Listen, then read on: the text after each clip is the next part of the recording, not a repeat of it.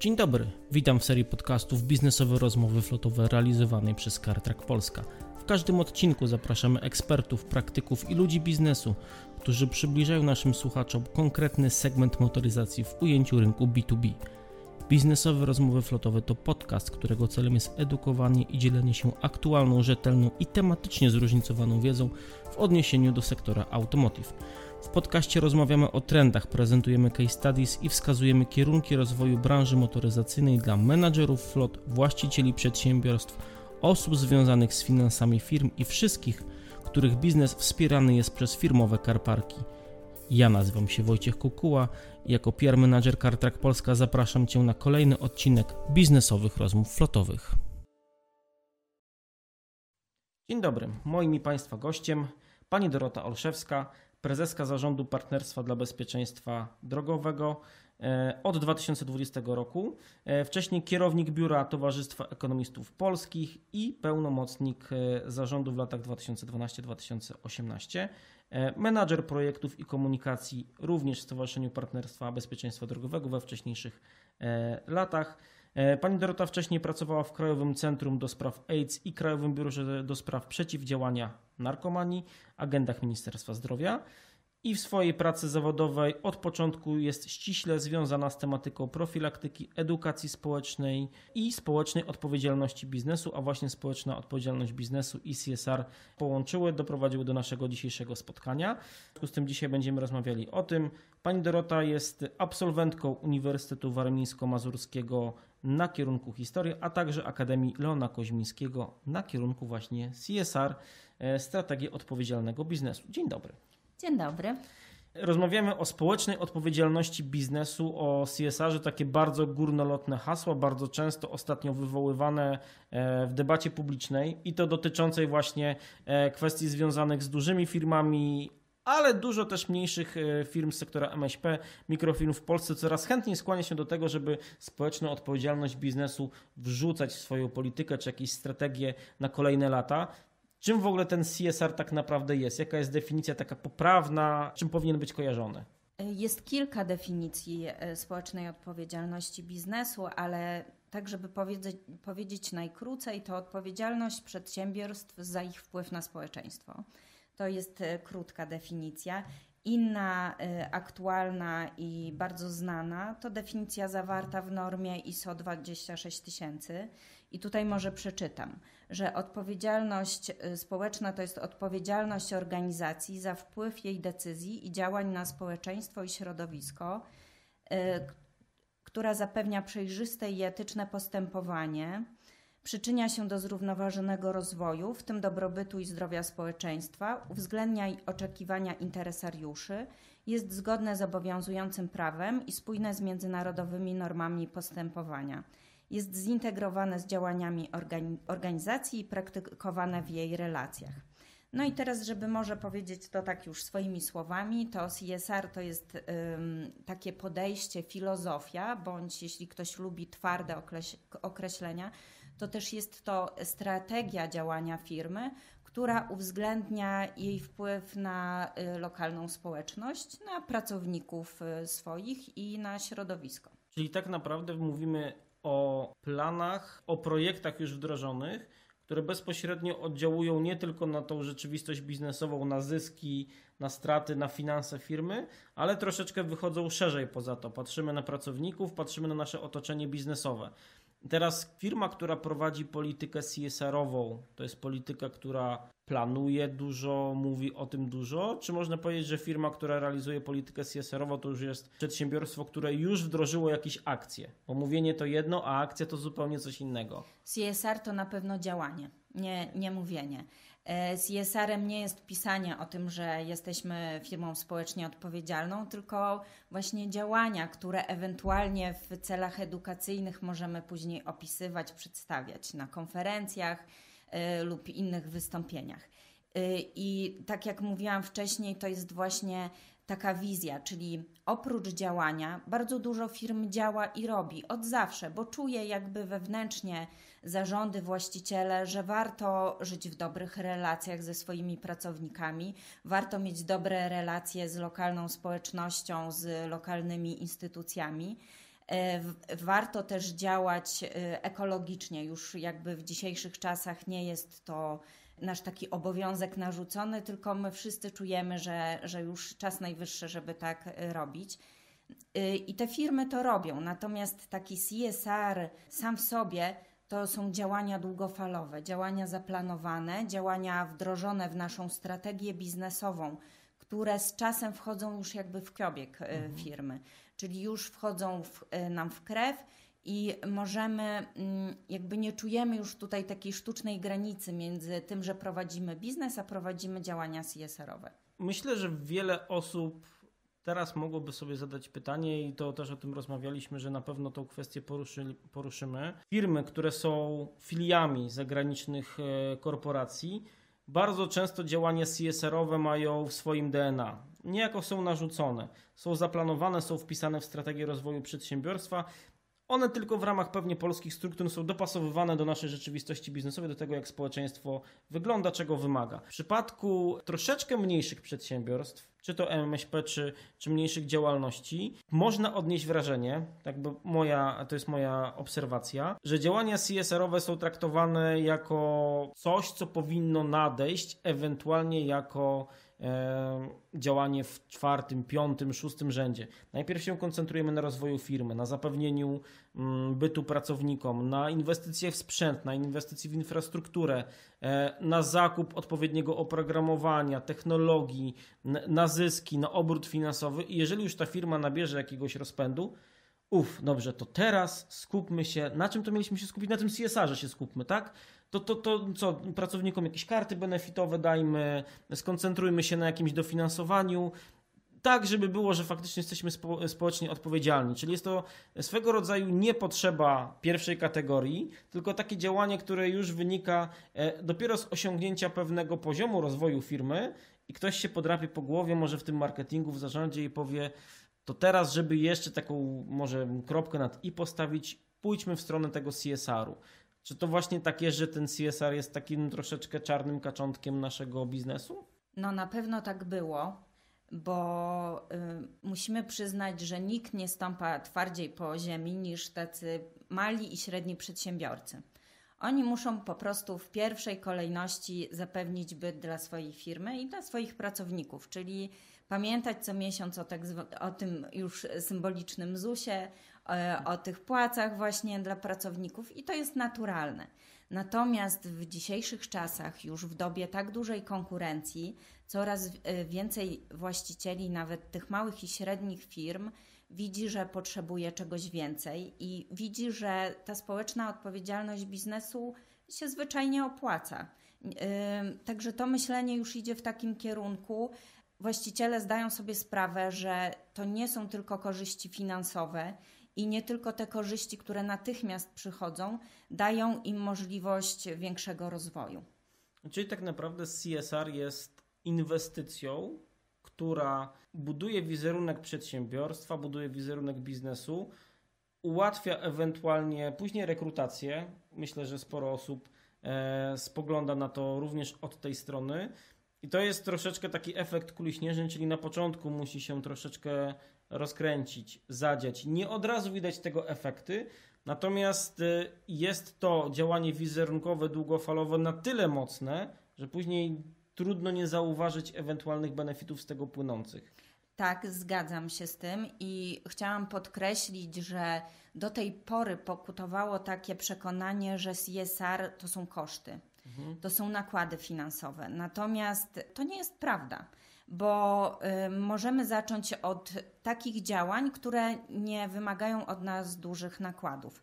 Natomiast korzyści są z każdej strony. I też chciałam powiedzieć, że jak budujemy taką strategię CSR-ową, to powinniśmy ją budować w różnych, y, jak najbardziej szeroko w naszej firmie. Czyli na przykład nie skupiamy się tylko na pracownikach, a zaniedbujemy na przykład społeczność lokalną, otoczenie naszych kontrahentów, czy też sprawy ekologiczne. Nie koncentrujemy się tylko na ekologii, a zupełnie pomijamy naszych pracowników. Jest to taka szeroka strategia i ona wtedy przynosi najlepsze korzyści. I tak jak mówiłam, korzyści znajdziemy w każdym tym aspekcie, bo jeśli będziemy wprowadzać społeczną odpowiedzialność biznesu wśród naszych pracowników i nawet budować w nich taką satysfakcję z tych działań, które podejmujemy w tym obszarze, to wzrasta ich motywacja, zaangażowanie, ściągamy do siebie e, talenty, ludzi, którzy mają wysokie aspiracje, ale też tych ludzi przez taką motywację, przez taką ideę, która nam przyświeca,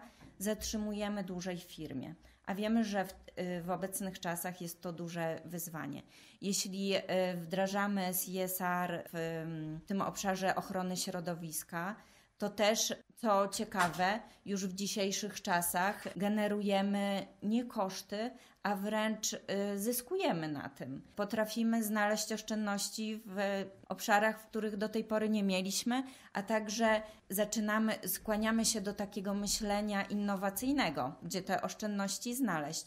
No i ten ostatni aspekt, jeśli chodzi o współpracę z, ze społecznościami lokalnymi, z instytucjami, on jest bardzo jakby korzystny dla firmy, szczególnie w warunkach, kiedy pojawia się jakiś kryzys, na przykład wizerunkowy. Oczywiście, dopóki wszystko w firmie działa dobrze, to my o tym nie myślimy. Natomiast w momencie kryzysu takie społeczności lokalne potrafią bardzo wspierać firmę i bardzo jej pomagać. Myślę, że to ostatnie zdanie jest o tyle ważne, że nauczyliśmy się po doświadczeniach epidemicznych, że teraz to już warto byłoby jednak być przygotowanym na coś złego, bo to złe na pewno kiedyś nadejdzie, a dosyć dobitnie byliśmy w stanie doświadczyć i troszeczkę tematów związanych i z e, zachwianiami na rynku pracy, na rynku gospodarczym. W związku z tym wsparcie społeczności lokalnej jako jeden z elementów właśnie budowania czy frontu polityki CSR-owej jest ważny. Ważne jest pewnie to, co, co wybrzmiało, że polityka CSR-owa raz, że nie musi nieść ze sobą bardzo dużych nakładów finansowych, to jeszcze potrafi sprytnie i dobrze zaplanowana wygenerować oszczędności. Bo polityka CSR-owa to nie tylko właśnie działanie na rzecz społeczności lokalnej, ale to wykorzystywanie choćby firmowych zasobów w taki sposób, że raz y, jesteśmy bardziej proekologiczni, może trochę bardziej e, bliżej w stronę zeroemisyjności, redukujemy jakiś ślad węglowy, ale niesie to za sobą właśnie zmniejszenie zasobów i ich mniejsze wykorzystanie, a to są jakieś współmierne korzyści finansowe, ponieważ i pani, i my jesteśmy zaangażowani w tematy właśnie związane choćby z bezpieczeństwem, to jak bezpieczeństwo może być w firmach e, tematem CSR-owym i czy w ogóle może być? Bezpieczeństwo uważam, że to jest świetny temat CSR-owy, ale bardzo niedoceniany. Jak to się mówi, nie dość sexy, e, żeby się nim zajmować. Natomiast proszę zobaczyć, że e, bezpieczeństwo drogowe to jest temat, który możemy w każdym obszarze, o którym wcześniej mówiliśmy, wykorzystać. I ja na początek może chciałam trochę takich liczb przytoczyć, bo Chciałam powiedzieć o, o tym, że bezpieczeństwo drogowe to jest w Polsce problem ogromny. To jest problem ogólnoświatowy, oczywiście. Możemy mówić o swoistej pandemii. Wypadki śmiertelne na drogach to jest jedna z głównych przyczyn, z powodu których umierają ludzie na świecie, szczególnie ludzie młodzi. E, są to śmierci przedwczesne, e, bardzo często niezawinione. I nie myślimy o tym na co dzień. Nie myślimy o tym na co dzień, że 8 osób na przykład dzisiaj zginie, zostawi swoje rodziny, swoich przyjaciół. Bardzo często są to na przykład żywiciele rodziny, czyli cała rodzina, jakby dramatycznie zmienia się ich sytuacja życiowa. I, I to są dramaty. I ja nie chciałabym tutaj nas straszyć, natomiast podkreślić, że warto tym tematem się zająć. Koszty społeczne wypadków drogowych zostały policzone i jest to rocznie 57 miliardów złotych. Jak takie koszty się liczy? Bo oczywiście nie mówimy tutaj o kosztach psychicznych, tej utraty najbliższej osoby, tego nie da się policzyć. Natomiast Krajowa Rada Bezpieczeństwa Ruchu Drogowego y, zlecała takie badania. Jest na to specjalna metodologia zapożyczona od Banku Światowego i liczy się na przykład koszty dojazdu służb wszystkich medycznych, koszty y, rehabilitacji danej osoby, jeśli y, umiera człowiek, to w, na podstawie tego, ile miał lat, ile mógł jeszcze przepracować, wylicza się, ile mógł dochodu przynieść dla państwa. Jeśli jest rehabilitacja, ile ta rehabilitacja kosztuje. Jeśli jest przedwczesna renta, ile ta renta kosztuje państwo. I na tej podstawie wyliczamy te koszty. Są to ogromne, ogromne liczby na które my sobie jako Polska nie możemy po prostu y, pozwolić. I teraz, co takie przedsiębiorstwo może zrobić, żeby poprawić sytuację y, na naszych drogach, na których jest niebezpiecznie? I teraz nie tylko y, nasz przedstawiciel handlo, handlowy jest takim zagrożeniem, jeśli jeździ za szybko i nieodpowiedzialnie. On może nie tylko zrobić komuś krzywdę, ale my sami jadąc po takiej drodze spotykamy człowieka, który nieświadomie y, stwarza zagrożenie, też możemy stać się jego ofiarą. I proszę zobaczyć, wprowadzając taką politykę y, do firmy, taką strategię, w której koncentrujemy się na poprawie bezpieczeństwa na drodze, my działamy na trzy y, obszary. Po pierwsze, dbamy o naszych pracowników. Czyli jeśli mamy dział HR, to tutaj może się, się uaktywnić. Jeśli nie mamy działu HR, jesteśmy mniejszą firmą, to też pokazujemy naszym pracownikom, słuchajcie, robimy politykę y, bezpieczeństwa w naszej firmie. To jest takie najtańsze działanie, które nie wymaga zbyt wiele nakładów. Ustalamy zasady, tak? Jeździmy w taki, w taki sposób, nie przekraczamy prędkości, jeździmy ekologicznie, świadomie. To dbamy nie tylko o naszych pracowników, ale jeśli przekonamy pracownika, że to ma sens, że jeżdżąc bezpiecznie, po pierwsze, wcale tak dużo czasu nie tracę, po drugie, jeszcze potrafię zaoszczędzić na paliwie, to tak naprawdę przekonując do tego pracownika, to my przekonujemy całą jego rodzinę, bo ja spotkałam się bardzo wiele razy z ludźmi, którzy mówili: Wow, nigdy wcześniej o tym nie myślałem, a teraz to już tam mężowi albo żonie zwracam uwagę, że zobacz, jak będziesz jechał płynnie, jak nie będziesz gwałtownie hamował, gwałtownie przyspieszał, to spalisz mniej paliwa, to będziesz jechał bezpiecznie będziesz mógł y, przewidywać bardziej sytuację na drodze. Czyli tutaj opiekujemy się naszymi pracownikami. E, działy finansowe też bardzo często, jeśli już wprowadzimy sobie taką kompleksową politykę właśnie tej ekologicznej jazdy, będziemy dawać za to benefity, to e, są konkretne korzyści, które widzą działy finansowe. I tutaj przekonujemy naszych księgowych, że czasami lepsza flota, bardziej ekologiczna, rozwiązania właśnie związane z telemetrią poprawiają nasze, później naszą sytuację finansową. No i trzeci obszar to jest ta społeczność lokalna.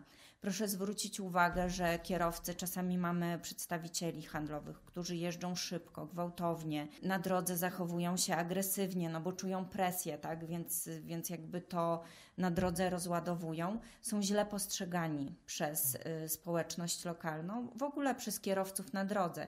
Proszę zauważyć, że kiedyś były bardzo popularne takie mocne obrędowania aut. Teraz już są małe napisy albo w ogóle ich nie ma. Dlaczego? Dlatego, że auto, które jest rozbite na drodze i ma wielki napis firmy, to nie jest wypadek pana Kowalskiego, tylko to jest wypadek pracownika danej firmy, tak? I to nie zniknęło. Możemy ten napis zrobić mały, ale w, szczególnie w społecznościach lokalnych taki pracownik który się rozbił, który spowodował wypadek, który nie daj Boże kogoś skrzywdził w tym wypadku, on jest identyfikowany z firmą, więc tutaj tracimy na wizerunku. Zastanawiam mnie jeszcze jedna rzecz, bo można politykę związaną z bezpieczeństwem wdrożyć do firmy albo dobrze, albo byle jak.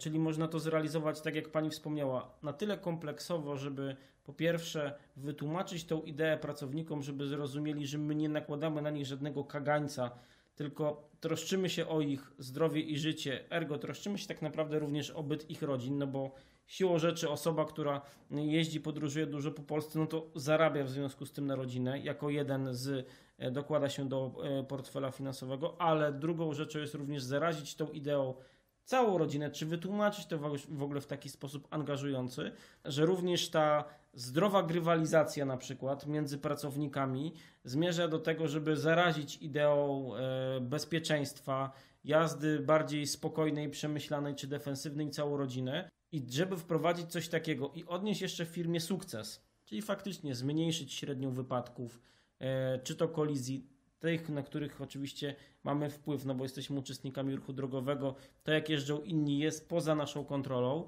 ale mieć ten współmierny efekt również finansowy, czy to poprzez zmniejszenie kosztów paliwa, czy to poprzez ewentualne zmniejszenie kosztów składek ubezpieczeniowych, no bo to na to też ma wpływ, zmniejszenie kosztów serwisowych, przestojów i tak dalej, to to jest myślę, że bardzo istotną rzeczą, żeby w ogóle wprowadzić coś takiego, co ma bardzo mocne podstawy i jest dobrze zaprojektowane, a to już nie jest łatwe. I można to zrobić w sposób bardzo niechlujny, czyli po prostu gdzieś może na przykład jakąś technologię wprowadzić, rzucić, powiedzieć, to teraz wszyscy już będziemy jeździć bezpiecznie.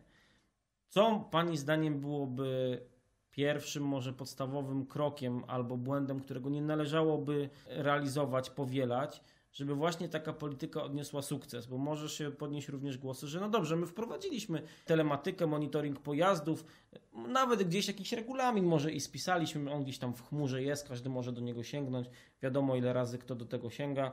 E, no ale u nas się nic nie zmieniło. Ludzie cały czas jeżdżą tak jak jeździli, nic z tego nie wynika. A z drugiej strony są firmy i większe i mniejsze od malkontentów, które wyniki osiągają spektakularne. No to gdzie leży ten sukces, żeby można było faktycznie mówić, że polityka CSR-owa związana z bezpieczeństwem naszych pracowników, ich rodzin, społeczności lokalnej e, jest realizowana? To bardzo szeroki temat i myślę, że pierwsze, od czego musimy zacząć, to od zmiany mentalności zarządzających osób w firmie. Od nich musi iść przykład. Możemy wprowadzać najlepsze programy, najlepsze systemy, ale jeśli zarząd będzie jeździł niebezpiecznie, nie będzie respektował tych zasad, które chcemy przyjąć, to po prostu y, nie zadziała. Więc zaczynamy, tak jak w CSR-ze. W CSR y, zaczynamy zawsze od środka firmy i wychodzimy później z działaniami na zewnątrz. Tak, jeśli mówimy już o środku firmy, to zaczynamy od zarządu, od y, osób kierowniczych i później schodzimy w dół. To jest bardzo ważne. Y, później zaczęłabym od dobrze opracowanej polityki, skrojonej na miarę naszej firmy, żeby nie przedobrzyć, nie, nie przegadać, nie pisać wielu kartek dokumentu, który później nie będzie, tak jak Pan mówił, realizowany. I to zależy. Jeśli mamy bardzo mało pracowników, mo możemy pokusić się sami o napisanie takiej polityki Natomiast ja bym radziła jednak zwrócić się z tym do y, profesjonalistów, bo tak jak Pan mówił, czasami pozornie y, dobre działania, które chcemy wprowadzić, mogą y, przynieść odwrotny skutek. I podam tutaj taki jeden przykład, który kiedyś mnie samą zaskoczył w rozmowach z ludźmi, którzy pracują w szkołach jazdy. I opowiadali mi, że ludzie, którzy nagle jakby przychodzi pomysł na to, że zadbamy o bezpieczeństwo naszych pracowników, to co zrobimy? Jazdy doszkalające. Bierzemy ludzi na tor i będą się tam ścigać, wchodzić w poślizg i, i nauczą się wychodzić z tego poślizgu. No i teraz najgorszą sytuacją jest to, jak pójdziemy do pierwszej lepszej szkoły instruktor weźmie nas na taki tor i my z tego poślizgu wyjdziemy dwa albo trzy razy. To jak się zmienia mentalność osoby, której praca na co dzień to jest przemierzanie wielu kilometrów. Nieśmiertelność nasz... włączona. Dokładnie, czyli jeszcze bardziej utwierdza się w przekonaniu, że on potrafi wszystko na tej drodze. A to nie jest prawda, dlatego że sytuacje na drodze są wielowymiarowe i naprawdę nie zależą od nas, nawet gdybyśmy mieli najlepsze umiejętności. Więc najlepsze szkoły jazdy prowadzą tak te szkolenia, jeśli już te szkolenia mają być po pierwsze, że jest jakby duży wykład merytoryczny na początku i uświadomienie, a po drugie, dobry instruktor jazdy. I, to, I tu jest akurat moja informacja dla ludzi, którzy będą chcieli wdrażać te różne polityki bezpieczeństwa. Dobry instruktor jazdy zrobi tak i spowoduje takie warunki na torze, że ten nasz kierowca nie wyjdzie za każdym razem z poślizgu. Nawet jeśli będzie to trochę na zasadzie mhm. opóźnienia komendy o dwie sekundy, że jakby nie ma możliwości wyjścia z tego poślizgu, to to ma pokazać, że nie wszystko od nas zależy na drodze.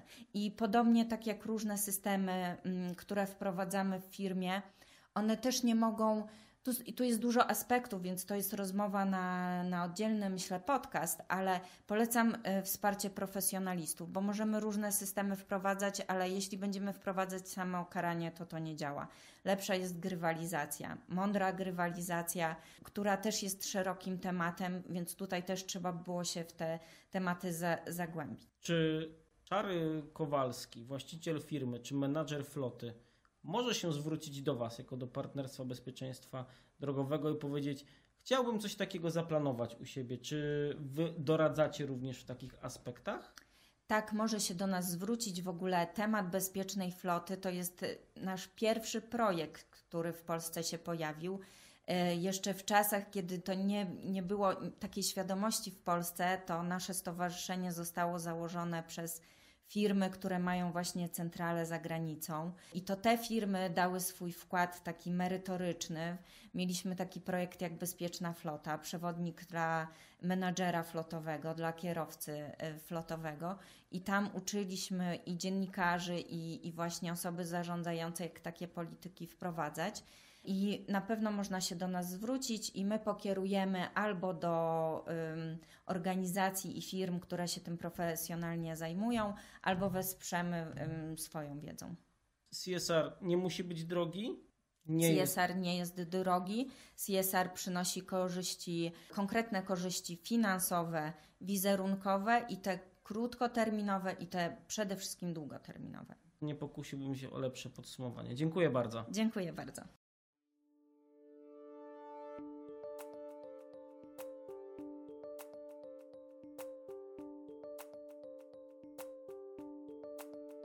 I to wszystko w tym odcinku.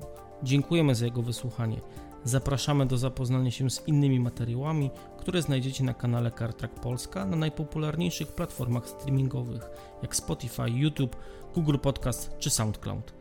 Pamiętaj, że do tego materiału dedykowana jest treść premium w postaci prezentacji podsumowującej nagranie. W opisie materiału znajdziesz instrukcję, jak ją pobrać.